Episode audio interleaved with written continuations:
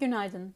Yüksek 4. çeyrek 2020 bazına rağmen BİM'in 4. çeyrek FAVÖK rakamının 2.1 milyar TL ile piyasa beklentilerini %22 oranında aşmasının etkisiyle açıklanan net kar 639 milyon TL ile beklenti olan 329 milyon TL'nin üzerindedir.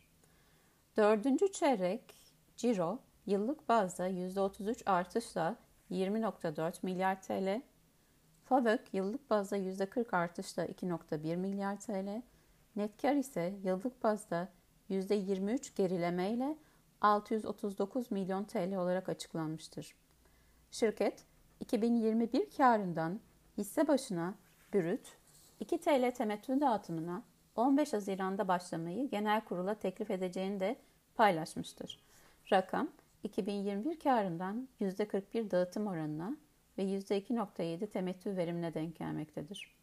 Şirketin açıklanan 2022 beklentilerine göre satış artışı %55 artı eksi 5 bandında, fabrik marjı %8,5 artı eksi 0,5 bandında ve yatırımın satışları oranı ise %3.2'dir.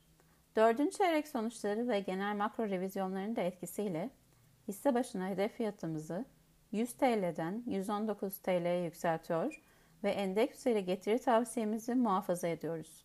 Şirketin sonuçları hakkındaki telekonferansı bugün saat 5'tedir. İyi günler dilerim.